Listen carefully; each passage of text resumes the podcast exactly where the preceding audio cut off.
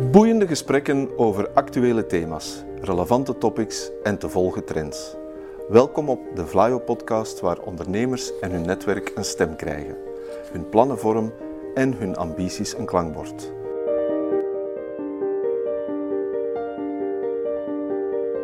To the point waar het kan, dieper gravend waar het moet. Inspirerend, informerend, ondersteunend. Van artificial intelligence, blockchain en circulaire economie tot digitale zorg. Wij knopen het in jouw oren.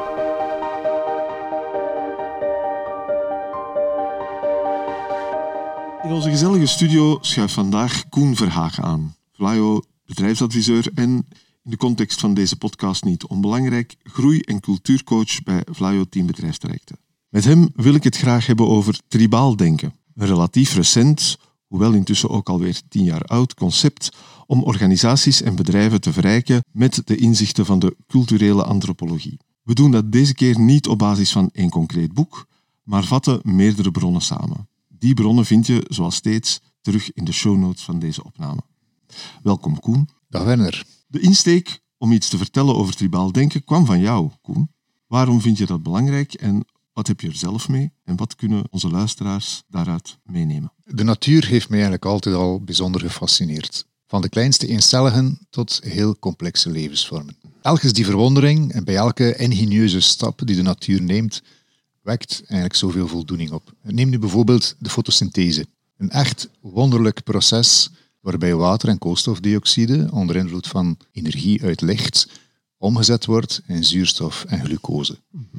Als je al die stappen overloopt, dan is dat een bijzonder ingewikkeld biochemisch proces, die bovendien, en dat weten weinigen, erg veel energie vergt. Het is de bron van zoveel leven op aarde. Goed, eh, eigenlijk zijn we nu al, eh, we zijn nog maar net van start gegaan en we zijn al aan het afdwalen. Zo blijkt. Hè? Want die, eh, die complexiteit die je in de natuur terugvindt, die vind je natuurlijk ook terug in de maatschappij waarin we leven. Die complexe maatschappij die vereist een zeer grote wendbaarheid van ons, een sterke veerkracht, een duurzame benadering en vooral het vermogen om met diversiteit om te gaan. Zowel van overheden, van organisaties, van bedrijven en zeer zeker ook van individuen. Dat is allemaal goed en wel, maar hoe realiseer je dat eigenlijk nu? Welke kapstokken hebben we? Wel, ehm, de mens is een enorm creatief en adaptief wezen. Als enig organisme trouwens op deze wereld zijn wij sterk verhalend en beschikken we over een immense verbeeldingskracht. Het tribale denken leunt eigenlijk volledig op de kracht van de verhalen en zorgt daarom voor verbinding. Verhalen die verbinden leiden tot actie en om de hedendaagse uitdagingen aan te gaan, hebben we collectieve actie nodig. Dus in de ideale wereld is de mensheid één grote tribe.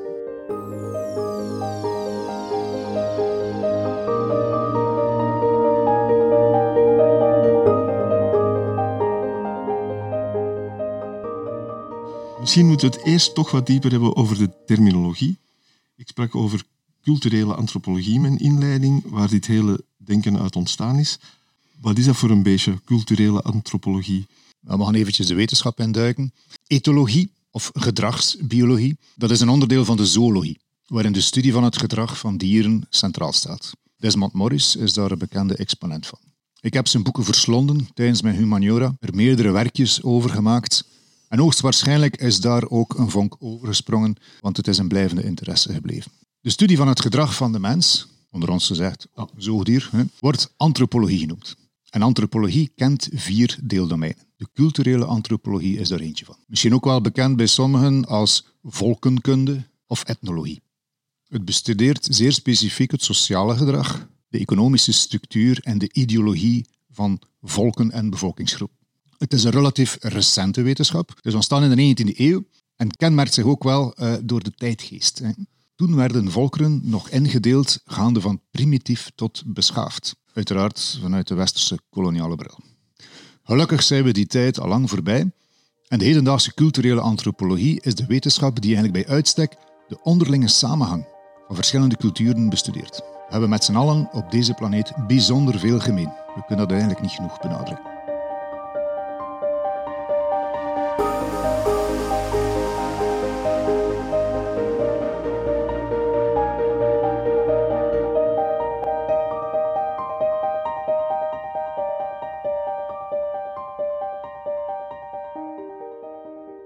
Hebben het ook over tribes, stammen. Hoe definiëren we dat? Wat is een tribe? Wanneer is een bedrijf of organisatie, wanneer is dat een stam? Het tribale denken verwijst eigenlijk naar een manier van denken die gebaseerd is op de principes en op de dynamieken van tribale samenleving. Waarin mensen in oude gemeenschappen samenleven en sterk met elkaar verbonden zijn, voornamelijk door identiteit, door cultuur en door waarden. Dus deze concepten kun je ook toepassen in organisaties, vooral om inzicht te krijgen groepsdynamieken, in samenwerkingen en in de cultuur. Ik moet eerlijk toegeven, Koen, dat helemaal persoonlijk uiteraard, maar dat ik vooraf wat uh, negatieve associatie bij tribes had. Ik dacht spontaan aan When Two Tribes Go to War van Frankie Goes to Hollywood of aan Lord of the Rings, Game of Thrones. In mijn beleving, en dat is wellicht beperkt uh, historisch, is er altijd op zijn minst een parfum van oorlog, agressie gekoppeld aan de terminologie. Stammetwisten, Kain en Abel, maar allicht is het niet daar dat het om draait. Goh, uh, Werner, je zult zeker niet de enige zijn met die associatie. Dat maakt je ook mens. Oké, okay. dank u. uh, misschien moet ik dat wel nader toelichten. Hè. Uh, heb je runderen al zien vechten tot de dood? Of varkens? Heb je varkens al zien vechten tot de dood? Dat zijn vredelievende dieren, worden ook heel vaak als intelligent beschouwd. Mm -hmm. of neem wolven. Wolven leven in een roedel, die doden elkaar niet. Ook is gekend dat de alfawolf geen eigen welpen doodt. Kan wel gebeuren natuurlijk bij territoriumgedrag met andere wolvenroedels, dat dat gevechten oplevert die leiden tot de dood. Nu komt het. Bij apen daarentegen is het gekend dat de mannelijke exemplaren zelfs eigen baby's uit de eigen familie doden. Okay. Bij mensapen is het begrip en de betekenis van de apenrots al onbekend. Ook daar zijn al heel wat boeken over verschenen met de link naar management. Dus groepen van mensen, stammen of tribes zoals je wil, die clashen nog wel eens. We staan me toe dat eigenlijk vooral toe te wijzen aan het feit van het mens zijn. En veel minder aan het feit van het stammen zijn of georganiseerd te zijn in stammen. Uh, neem nu de brandweer, Artsen zonder Grenzen. Dat zijn ook tribes. En helemaal niet gewelddadig. Ik kan ook de voetbalstam en de rugbystam als illustratie nemen. Dat, ja, ja, hoewel het allebei gaat over mensen, er toch duidelijk tribale verschillen zijn die tot expressie komen in hoe rivaliteit beleefd wordt. Dus ideaal zijn eigenlijk samenlevingsvormen als kuddes, zwermen, kolonies.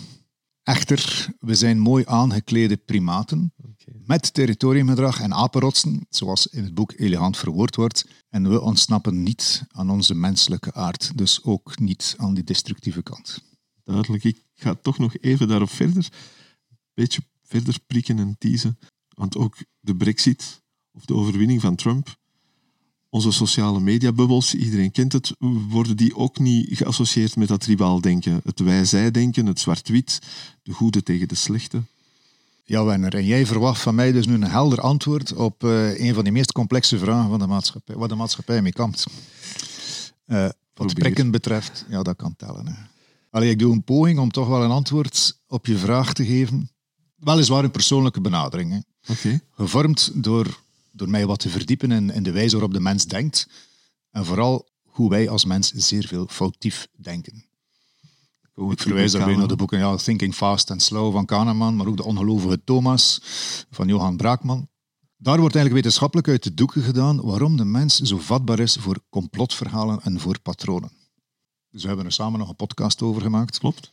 Combineer dit gedrag van de mens om ergens bij te horen, aangestuurd door het limbaal brein, met de bouwstenen van het tribaal denken en je hebt een recept om allerhande ideeën in hang te laten vinden.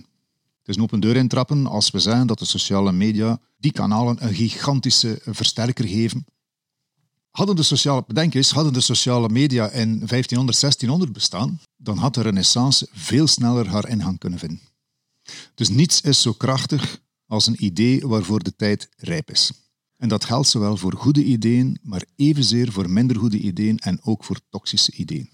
Dus het wij-zij-denken, het zwart-wit denken, dat zijn valkuilen van ons denken, waar we vaak blindelings intrappen, net omdat het zo makkelijk en zo comfortabel aanvoelt. Oké, nu heb ik je voldoende geplaagd en getiest. Laten we in de materie duiken en bekijken wat organisaties kunnen leren van dat tribale denken. Een eerste vaststelling die de antropologen maken is dat we op onze werkvloeren vooral in functies denken. Hij rapporteert aan haar, zij hoort bij die afdeling, maar dat werkt niet altijd zo efficiënt als het lijkt. Ja, klopt. Wat het tribale denken daar tegenover stelt, dat zijn eigenlijk de rollen. Is het verhaal van de tribe duidelijk, dan weet ook één ieder veel makkelijker welke rollen er kunnen ingevuld worden. Tot de verbeelding sprekend zijn bijvoorbeeld eh, de jagers van een stam. Zet vijf fantastische speerwerpers samen en je zal eigenlijk geen performante jacht hebben.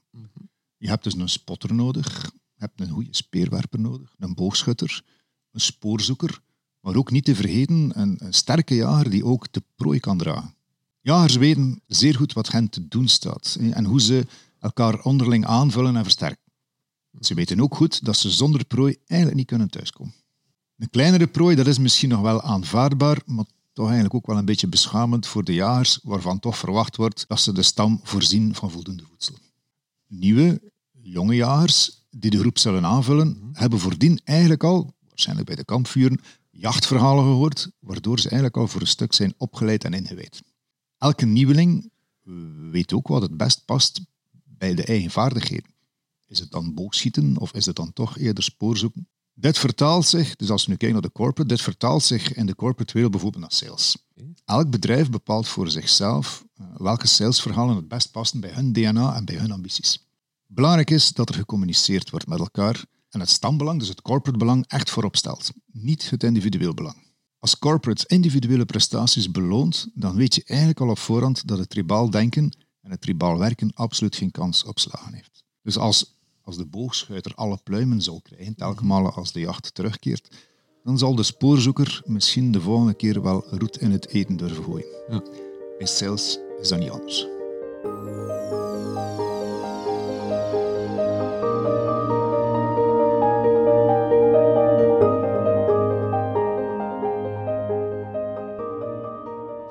Net zo goed kun je eigenlijk de rol van de magier en het stamhoofd illustreren in de corporate wereld.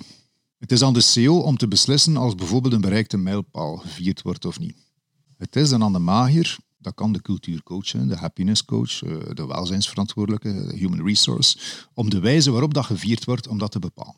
Anders verwoord, het ritueel wordt eigenlijk door de magier vormgegeven, de beslissing en het tijdstip waarop iets doorgaat door de stamhoofd, door de CEO dus. Vertaald, de wijze waarop een aanwervingsproces en een onboardingsproces verloopt, ligt in handen van de magier. De timing, de snelheid van het proces, de ambities die we daar willen behalen, de criteria, ligt verantwoordelijkheid bij het stamhoofd. Beiden echter kennen het verhaal van de corporate door en door. En daarom dat beiden ook hun rol zelf perfect kunnen invullen, zonder dat daar eigenlijk een functiebeschrijving voor nodig is.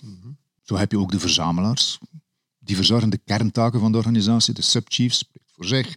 De elders, dat zijn dan weer de raden van advies, raden van bestuur, de aandeelhouders.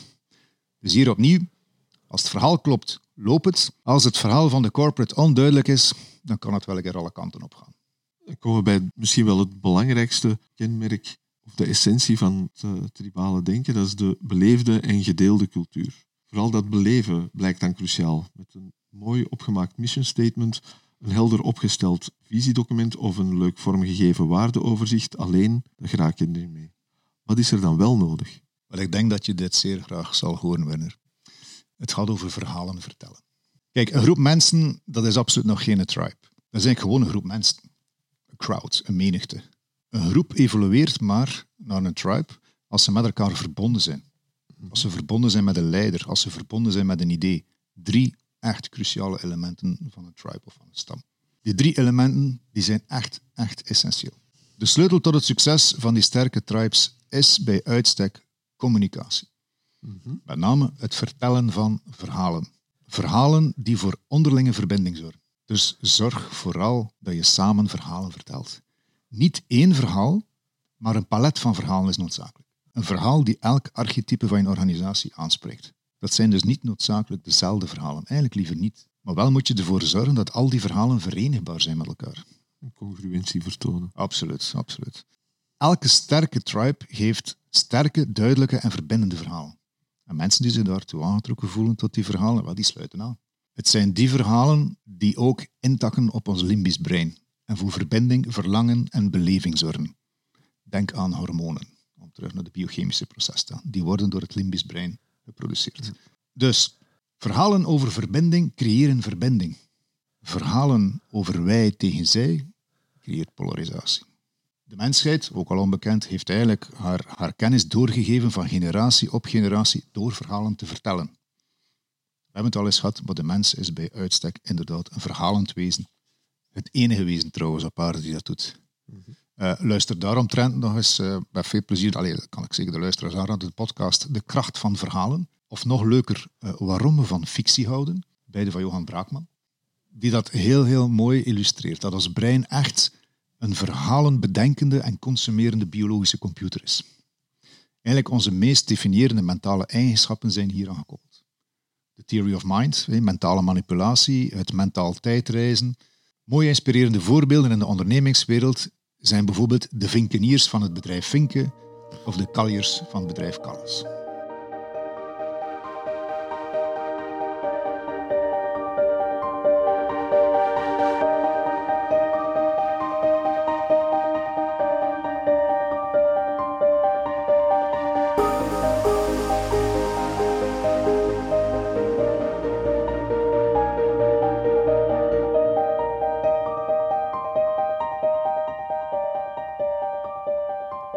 Inspirerend advies dat ik bij Jitske Kramer, een van onze bronnen, vond: schaf vergaderingen af, bouw kampvuren, organiseer ontmoetingen.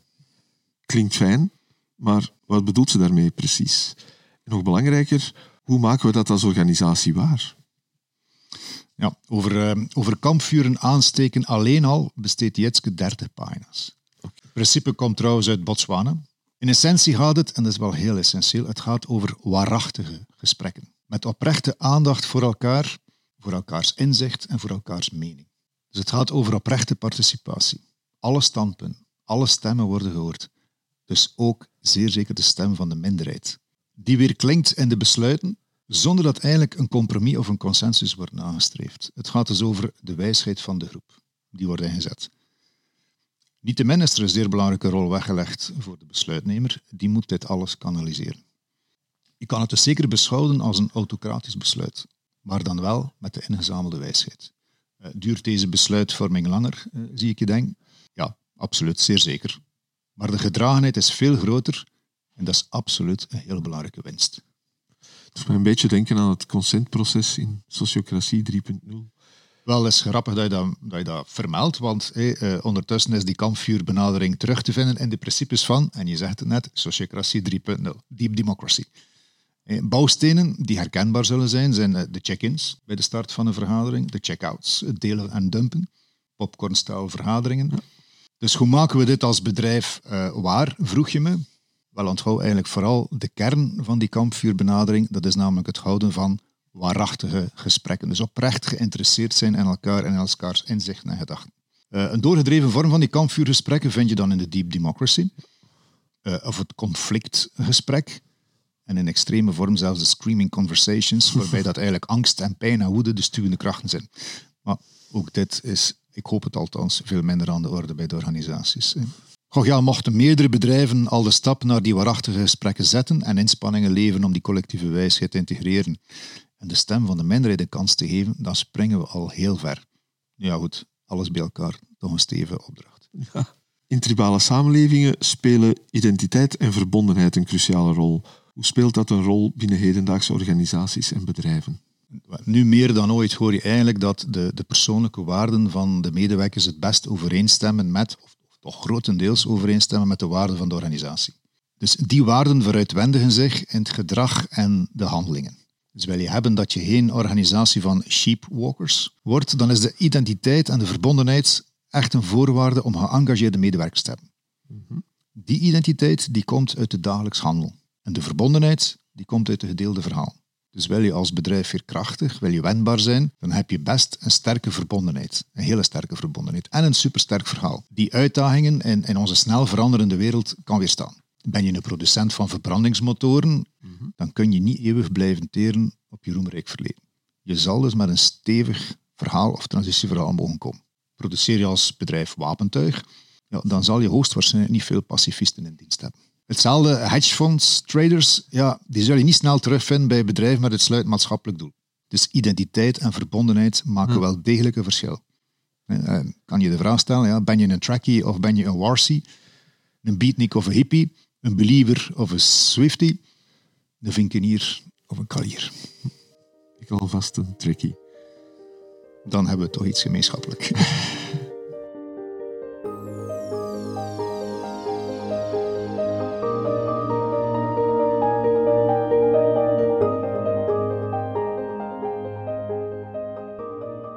Rituelen, symbolen, gedeelde verhalen, die dragen bij aan de identiteit en die verbondenheid. Wat kunnen we daaruit leren volgens jou?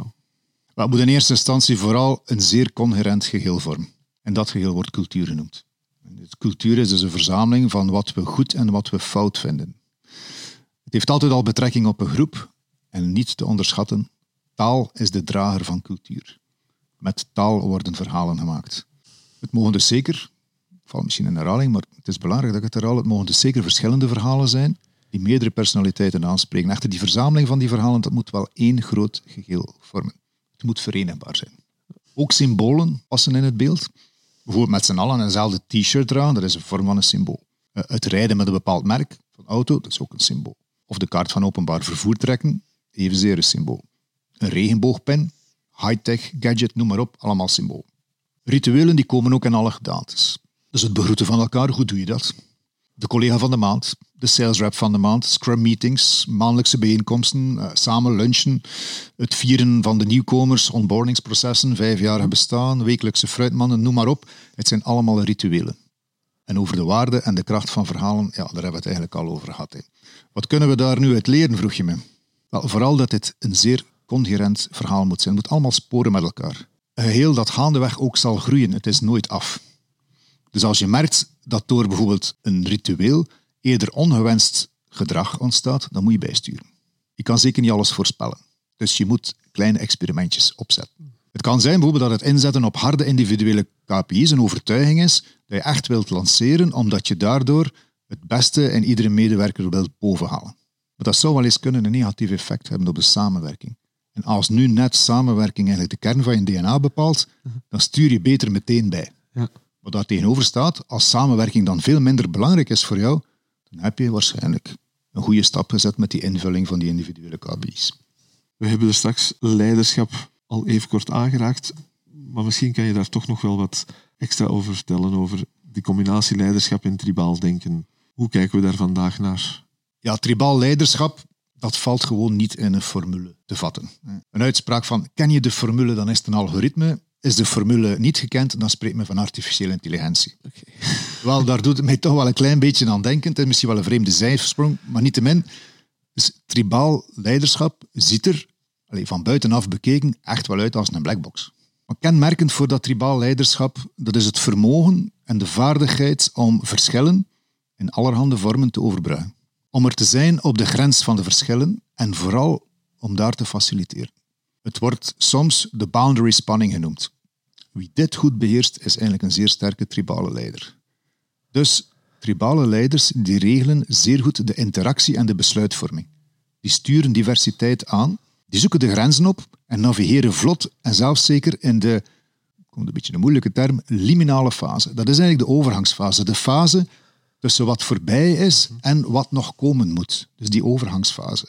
Dus tribaal leiderschap streeft in die overgangsfase harmonie na. Harmonie betekent niet noodzakelijk de afwezigheid van conflict, maar juist het zeer goed kunnen oplossen van conflict. En dan is een functie om die eerst ook te voelen. Dus- Absoluut, dat is weggelegd voor die tribale leider. Dus wil je die harmonie, erken en accepteer dan absoluut elkaars verschillen. Het boek besteedt daar een uitgebreid hoofdstuk aan. Dus termen van toepassing die, die zekere belken zullen doorinkelen zijn co-creatie, inclusiviteit, openstaan, spanningen omarmen, dilemma denken, uitersten opzoeken. Dus je merkt het. Hè.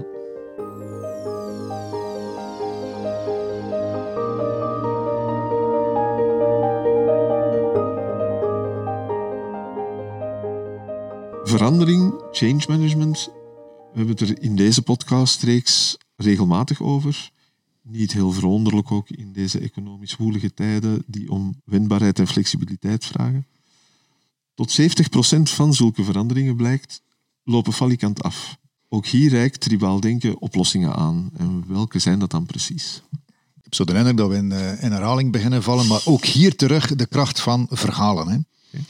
Maar nu een ander soort verhaal. Nu moeten het vooral verhalen zijn als verander toe. Eh, en in het boek The Corporate Tribe vond ik vooral het overzicht achteraan het, in het boek enorm waardevol. Je krijgt er eigenlijk een toolbox aangereikt, opgedeeld in vijf verandertrajecten. Ik zal het eventjes opnoemen. Dus je hebt de culturele creatie, de culturele continuïteit, de culturele heroriëntatie, de culturele genezing en de culturele transformatie. Dus afhankelijk van welk traject je als bedrijf wenst te volgen of moet bewandelen, kun je eigenlijk checken waar je moet op inzetten.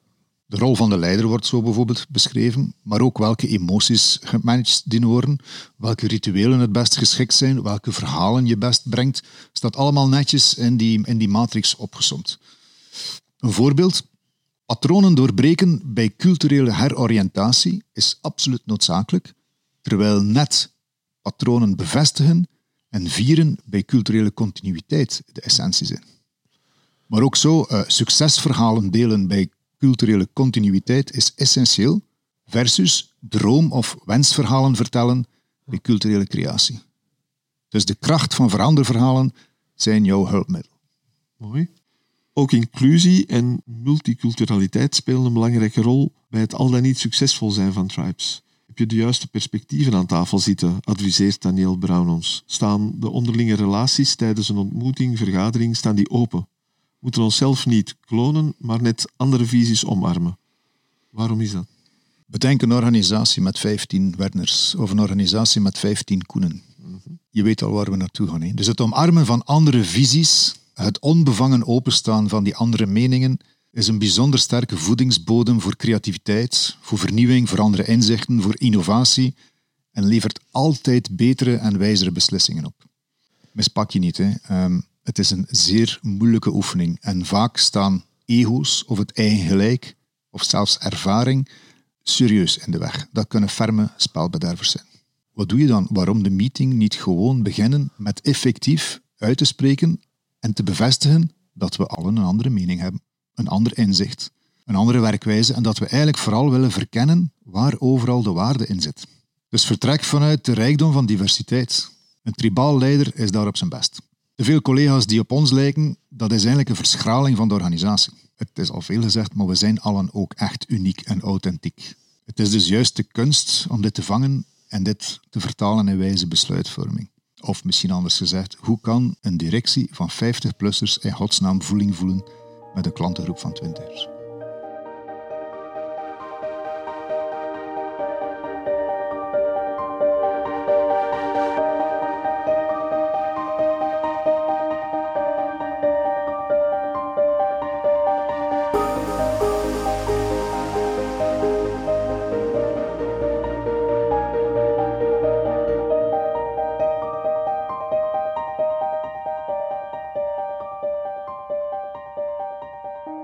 Opvallend vond ik jouw voorzet dat de aanpak van de hongersnood in Vietnam tribaal denken in acties.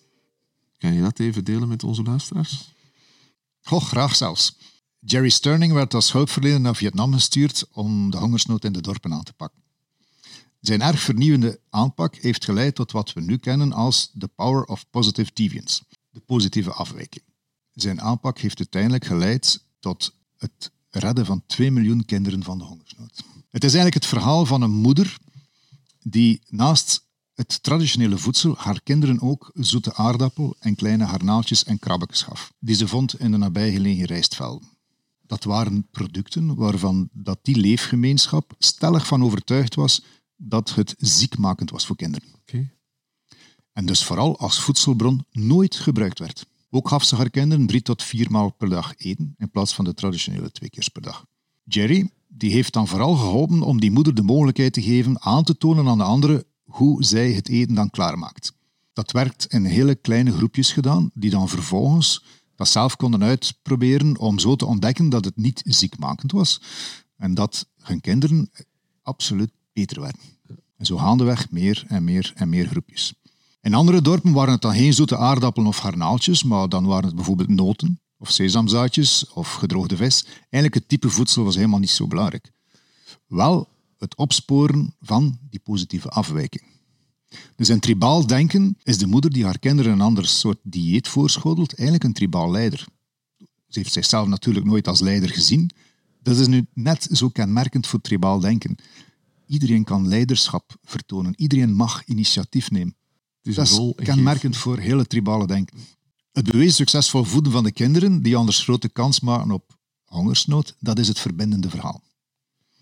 Het is een verhaal met sterke emoties en met een zeer sterke verbindende kracht. In plaats van technieken te importeren van, van buiten uh, die communities of technieken die al elders werden toegepast te introduceren, wat eigenlijk wel de norm was in die tijd voor ontwikkelingshulp, zocht Jerry dus families op die niet aan de hongersnood lijden, die het eigenlijk relatief goed deden. Hij maakte het vervolgens makkelijker voor die moeders om hun manier van leven, hun inzichten te delen met de anderen. Dit is wat we in tribaal denken noemen het creëren van een communicatievorm en een platform. Het verhaal van Jerry, als je het zo aan hoort, lijkt zeer triviaal voor de hand liggend. Weet wel dat hij de allereerste was die deze werkwijze heeft toegepast tegen alle heldende normen in. Dus eigenlijk op zijn beurt is Jerry ook een tribaal leider geworden. Nu, in ondernemingen kun je eigenlijk exact dezelfde succesvolle werkwijze toepassen. Vind dus de medewerkers die het anders doen. Die het gewenste gedrag vertonen, die de juiste dingen doen, die oplossingen vinden voor organisatorische problemen. Als je die hebt, versterk hun werk, zet hen in de spotlight als het ware. Geef hen vervolgens een platform, moedig hen aan, vooral om verder te doen zoals ze bezig zijn. Probeer het hen zo makkelijk mogelijk te maken. En als laatste, help hen om volgers te vinden. Moedig andere medewerkers aan om te volgen. Dus dat is een zeer praktische en haalbare aanpak om eigenlijk tribaal denken in de praktijk toe te passen. We hebben het tribale denken nu wat met een omtrekkende beweging verkend. Ik hoor dat je er behoorlijk enthousiast over bent en wellicht daardoor ook onze luisteraars warm maakt voor dat tribale denken. Maar hoe beginnen die luisteraars daar dan aan? Waar kunnen ze mee starten? Hoe pakken ze het vast? Kijk, een mooie slagzin die ik tegenkwam met betrekking tot het tribale denken was: je leert wat je al wist. En dat komt eigenlijk omdat het zo goed spoort met ons limbisch brein. Dus wij als mensen zijn nu eenmaal zo geëvolueerd, het ligt dus zeer dicht tegen onze naturel. Dat inzicht alleen al is een hele belangrijke eerste stap. Vervolgens vul je het dan eigenlijk zelf in hoe je, verder wil uh, in deze fascinerende wereld duiken. Je kan, je kan de boeken doornemen die we hier bespreken, maar andere bronnen zijn even goed. Beluister eens wat podcasts, enkele webinars, praat vooral met collega-ondernemers die al die weg zijn ingeslagen. Zet kleine experimentjes op in je bedrijf. Zie hoe dat loopt, stuur bij, zorg dat het kan groeien. De juiste mensen aan boord krijgen, aan boord houden. Zelfs zorgen dat ze ambassadeur worden van je organisatie. Medewerkers die met goesting komen werken, omdat ze er als het ware van natuur bij horen. Kijk, dat alleen al zou een meer dan voldoende reden moeten zijn om hiermee aan de slag te gaan. En als je nog niet overtuigd bent, luister dan naar de one-liner Culture Eats Strategy for Breakfast. Ik kijk alvast uit naar een volgende podcast met jou. Dat is wederzijds, Werner. Altijd fijn om met jou in gesprek te gaan. Echt waarachtig. En met plezier tot de volgende keer.